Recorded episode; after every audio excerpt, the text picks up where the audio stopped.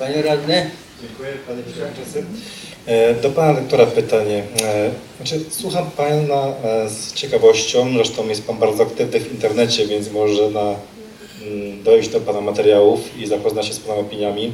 I faktycznie no, fundamentalnie się różnimy, nie ukrywam tego, zwłaszcza w ocenie tego Zachodu, natomiast brakuje mi pewnej równowagi w Pana wypowiedziach, bo jak rozumiem, można, możemy się różnić w opinii i, e, i Zachodu, i kultury zachodniej, i tego, co się teraz dzieje z, e, w światopoglądowych sprawach, to brakuje mi jednak pewnej równowagi z zarówno krytyką wschodu, no bo szczerze mówiąc, okej, możemy się różnić na temat zachodu, natomiast jeśli chodzi o kulturę wschodu, to ona mnie aktualnie przeraża i ona dla mnie stanowi zagrożenie nie tylko fizyczne, ten kult siły, e, szowinizm, okultyzm Dugina, przecież Pan nawet z nim wywiad przeprowadzał, zna Pan to, e, te realia, które tam są. I e, czy mógłbym od Pana prosić o odpowiedź, czy Pan widzi zagrożenia kulturowe dla tożsamości płynące ze wschodu, nie z zachodu? Dziękuję. Dziękuję za to pytanie. Cieszę się, że, że możemy w sposób kulturalny wymieniać się poglądami i wymieniać myśli. Oczywiście to nie jest tak, że ja mówię tylko i wyłącznie o tych zagrożeniach, które płyną z zachodu.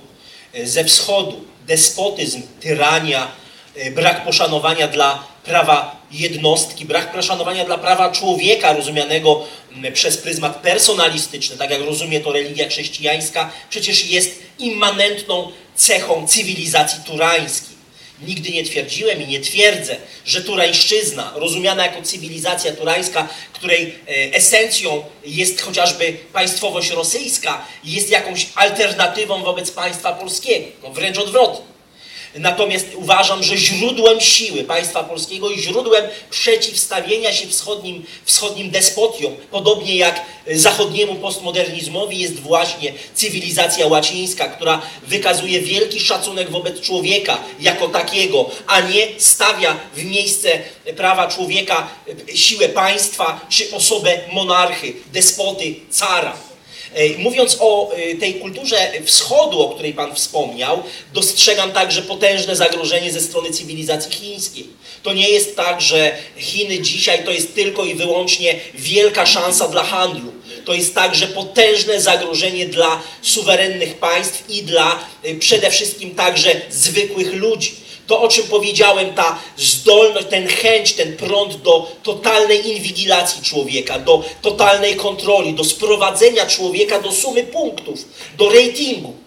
To jest e, istota dzisiejszych zagrożeń. I niestety, niestety, może się Pan ze mną zgodzić lub nie, ja dostrzegam dzisiaj wielką syntezę zagrożeń ze wschodu i zachodu, ponieważ zarówno koncepcja Klausa Schwaba jest tak samo y, modna w Davos, w Szwajcarii, w Wielkiej Brytanii, ale pamiętajmy, że Światowe Forum Ekonomiczne ma swoją siedzibę w Chinach. Jeśli spojrzymy na zakupy systemu rozpoznawania twarzy i tego systemu całego przyznawania punktów przez, przez niektóre stany w Stanach Zjednoczonych, niektóre prowincje w Australii, mówi się o takim systemie w Wielkiej Brytanii, to, to widzimy, że mamy do czynienia z nową międzynarodówką międzynarodówką globalistów, których celem jest likwidacja państw narodowych i, i zaprowadzenie systemu powszechnej elektronicznej kontroli. I ten nowy komunizm, ten cyfrowy totalitaryzm jest dzisiaj elementem, który łączy, który stanowi zagrożenie dla współczesnego człowieka. Dziękuję.